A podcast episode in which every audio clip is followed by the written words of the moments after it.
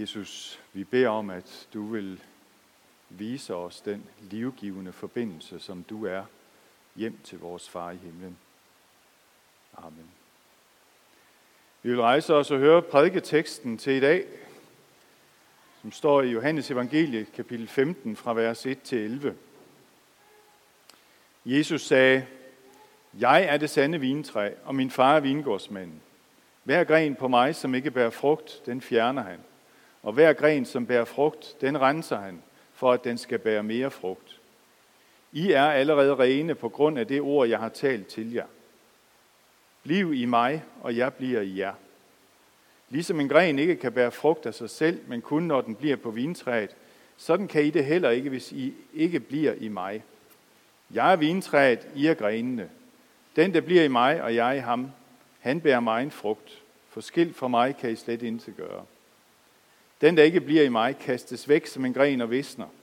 Man samler dem sammen og kaster dem i ilden, og de bliver brændt. Hvis I bliver i mig, og mine ord bliver i jer, som bed om, hvad I vil, og I skal få det. Derved herliggøres min far, at I bærer mig en frugt og bliver mine disciple. Som faderen har elsket mig, har også jeg elsket jer. Bliv i min kærlighed. Hvis I holder mine bud, vil I blive i min kærlighed, ligesom jeg har holdt min fars bud og bliver i hans kærlighed. Sådan har jeg talt til jer, for at min glæde kan være i jer, og jeres glæde blive fuldkommen. Amen.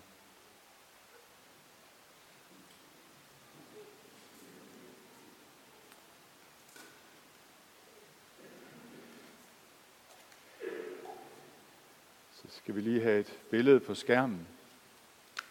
Det kom der. Vi har et fint træ hjemme i haven.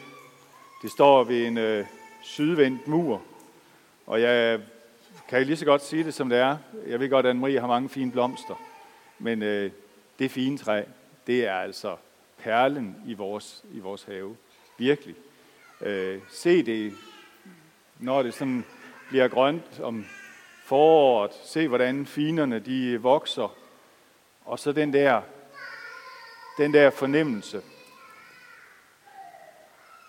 når vi når hen sidst i august, og finerne er blevet store.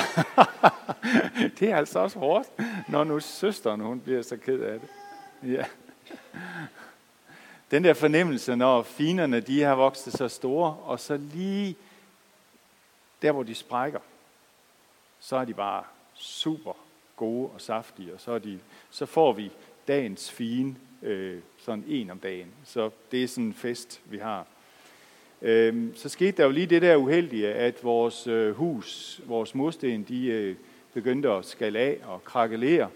Øh, og, øh, også den, og så fik vi at vide, at alle vores mursten skulle skiftes på huset. Og det galt også den mur, som stod bag ved fintræet. Og så tænkte vi, nej, hvad, hvad gør vi nu? Hvordan, hvordan får vi vores fintræ til at overleve? Øhm, og der var ikke andet at gøre, end det, som vi så gjorde med øh, blødende hjerte, som I kan se over til venstre. Vi skar simpelthen fintræet ned til 20 cm højde. Det gjorde ondt. Det gjorde virkelig ondt. Men, øh, og vi tænkte, jamen overlever det det her?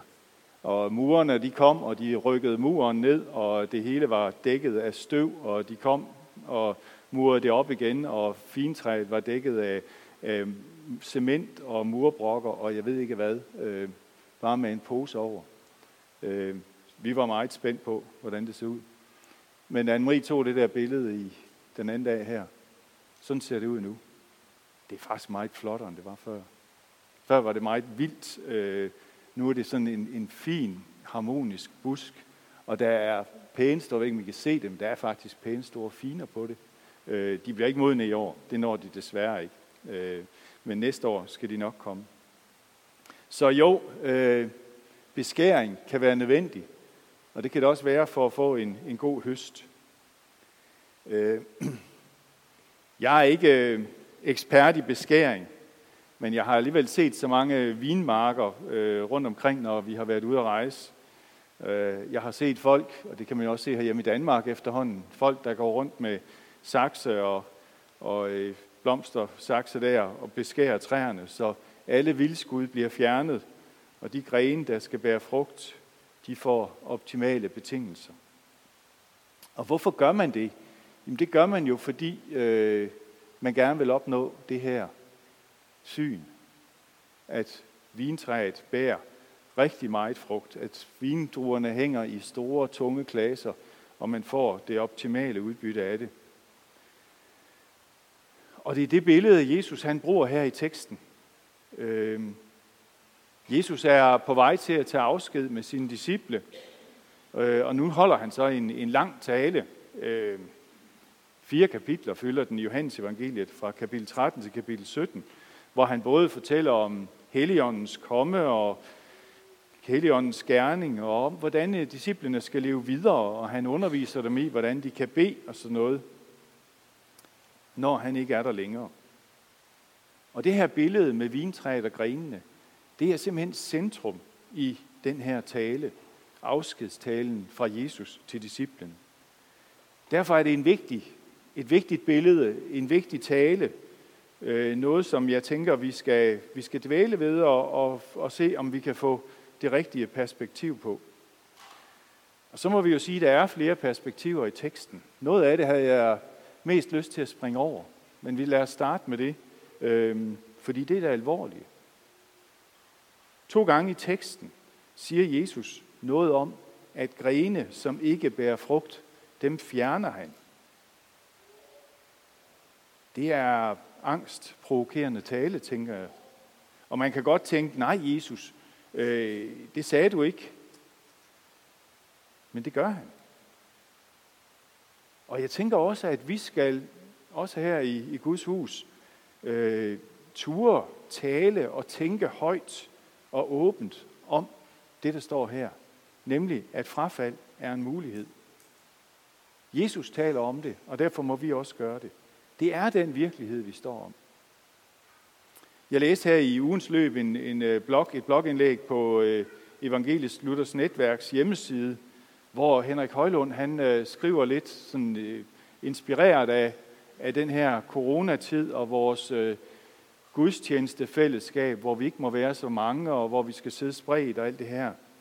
Øh, han kalder det gudstjeneste dogenskab, og advarer ligesom om, at vi ikke øh, på det her, i den her tid ligesom vender os til, ah, at det er nok bedst, at jeg ikke kommer i kirke, fordi der er jo ikke, så er der plads til nogle andre og sådan noget der.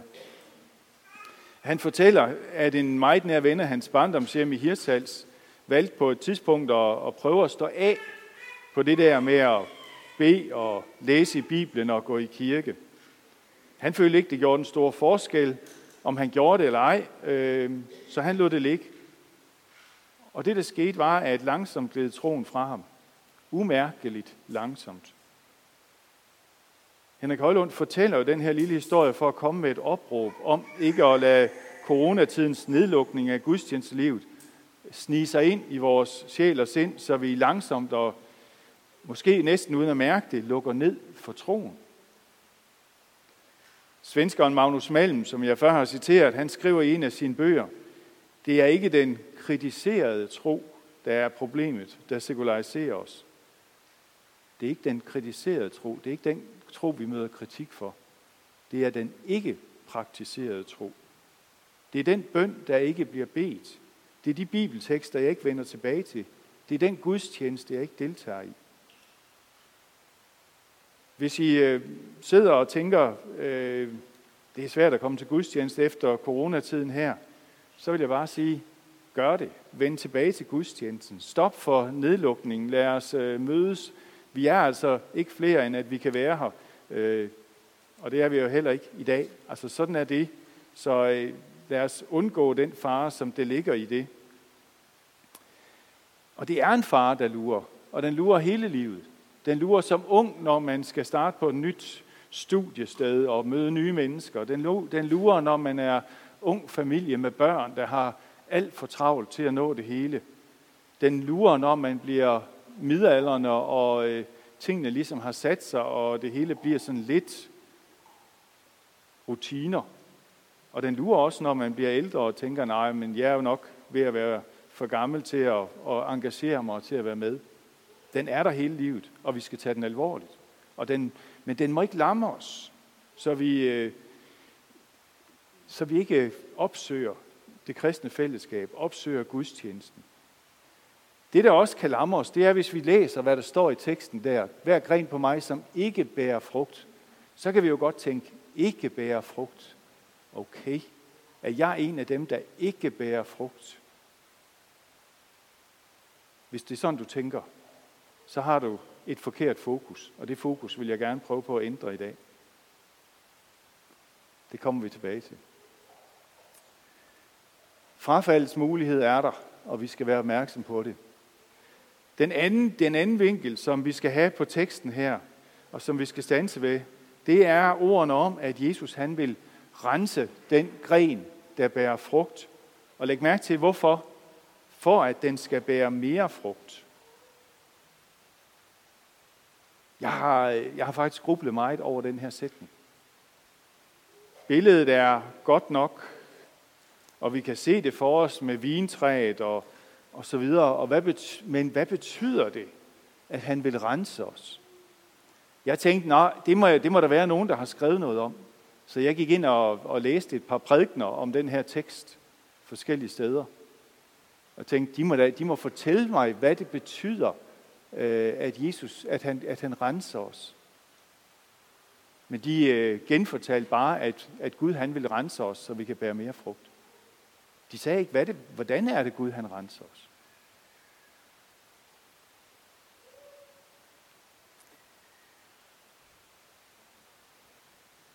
Måske kan I hjælpe. Hvis ikke det var coronatid, så ville jeg have sat jer til at snakke sammen nu og sige, hvordan er det? Hvordan kan vi møde det øh, fænomen, at Gud han renser os? Hvad er det for noget i vores liv, der, øh, der, hvor, hvor vi møder noget, hvor vi kan tænke, at der mødte Gud mig på en måde, fordi at jeg skulle renses, så jeg kunne bære mere frugt.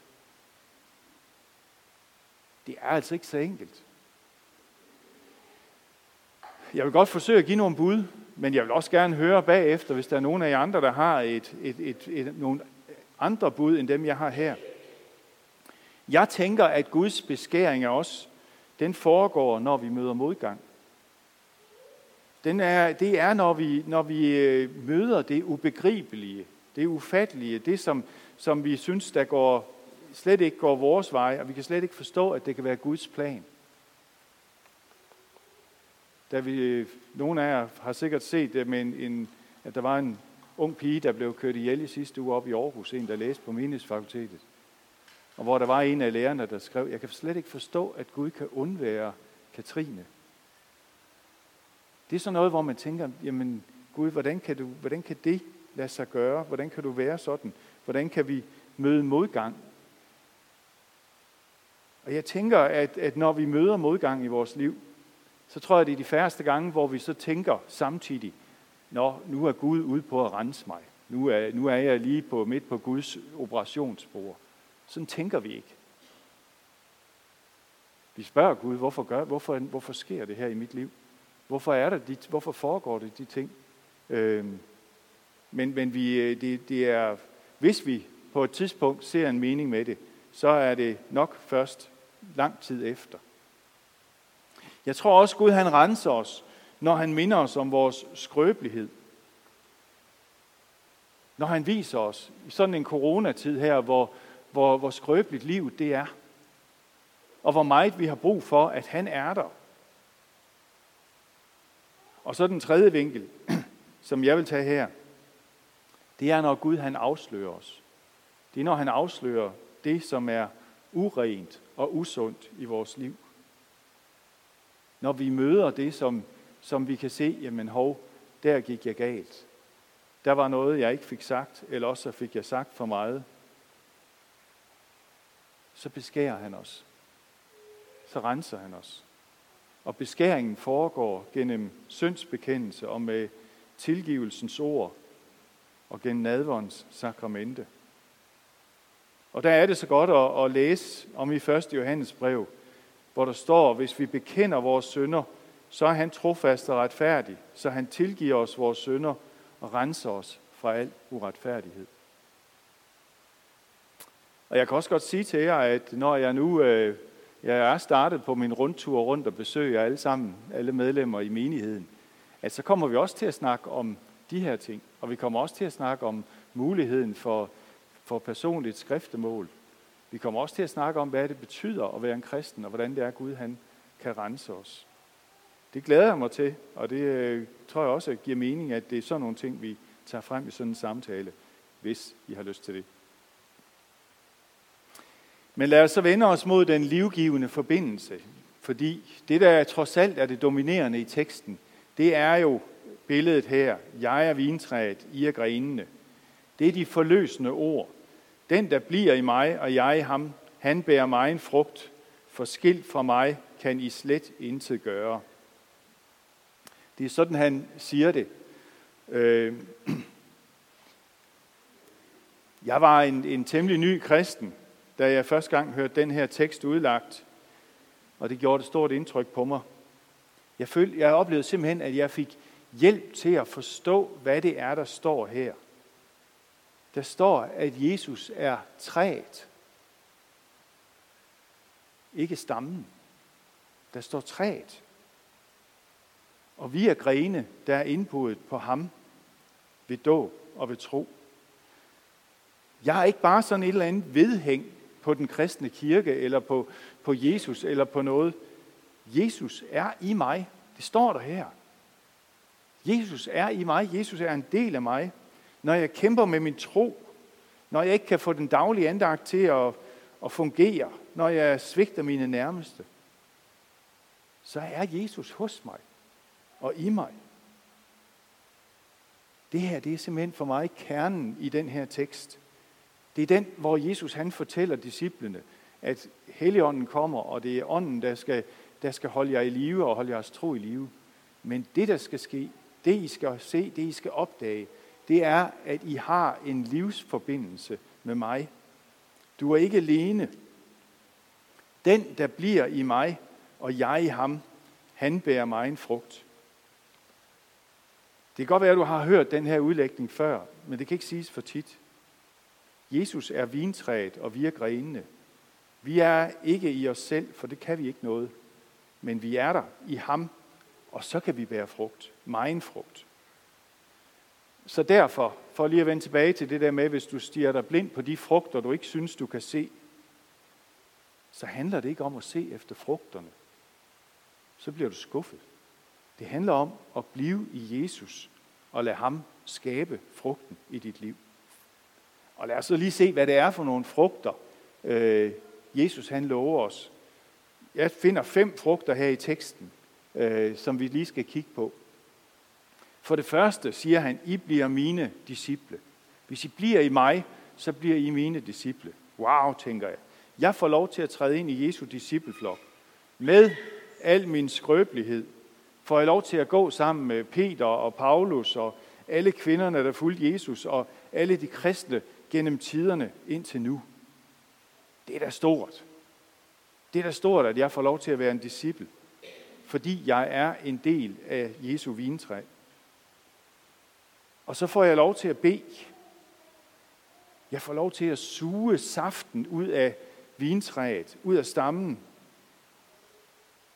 og ned fra rødderne. Jeg får lov til at være i hvile og hvile i den livsforbindelse, som kan give mig kraft til min hverdag. Og så er den tredje frugt, at Gud bliver herliggjort. Og hvorfor er det en frugt i mit liv?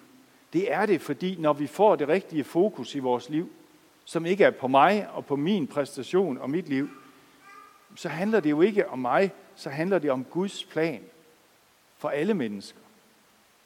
At den skal blive virkelig gjort. Det er også en frugt af, når vi er i ham. Og så får vi den sande kærlighedsfrugt. Nu øh, kan man jo ikke se det, når man får teksten op på en skærm, men når man læser den her tekst i Bibelen, så vil man opdage, at de første otte vers, de handler om vintræet og grenene. Men de sidste tre vers, de handler om kærlighed. De står under overskriften kærlighedsbuddet. Så den her tekst fortsætter simpelthen over i en tekst om kærlighed og Guds kærlighed og den sande kærligheds frugt. Og hvad siger han så om det? Som faderen har elsket mig, har jeg også elsket jer. Bliv i min kærlighed. Hvis I holder mine bud, vil I blive i min kærlighed, ligesom jeg har holdt min fars bud og bliver i hans kærlighed. Sådan har jeg talt til jer, for at min glæde i jer og i jeres glæde bliver fuldkommen. Den sande kærlighed, det er altså den kærlighed, Gud har til sin søn Jesus Kristus. Og den kærlighed, som Gud har vist os gennem sin søn Jesus Kristus. Og frugten af det her, ja, den finder vi så helt nede i vers 17. Det sidste vers i det der afsnit. Der står der, Jesus siger, og dette byder jeg. Dette byder jeg jer, at I skal elske hinanden. Den sande kærlighed, hvis den får lov til at leve, hvis vi lever i vores tætte livsforbindelse med Jesus, jamen så oplever vi, at vi også kan finde den kærlighed til hinanden, som vi måske ikke har i os selv. Og så kommer så til sidst målet. Målet er, at glæden skal bo i os, og vores glæde skal være fuldkommen. Den skal blive fuldkommen. Min glæde skal være i jer, og jeres glæde blive fuldkommen. Vi har hørt om frafaldets mulighed. Vi har hørt om beskærelsen af vintræet og af os i vores liv. Målet er, at vores glæde skal blive fuldkommen. Og det bliver den jo. Nu kommer den sidste, ikke Philip? Jo. Øh, det var bare billedet af vintræet igen. Eller fintræet. Vores glæde bliver fuldkommen, når vi øh, stiller os ind for Guds ansigt. Når vi lever vores liv i ham. Lever som, som grene på træet. Bliv i mig, og jeg bliver i jer, siger Jesus. Amen. Lad os bede.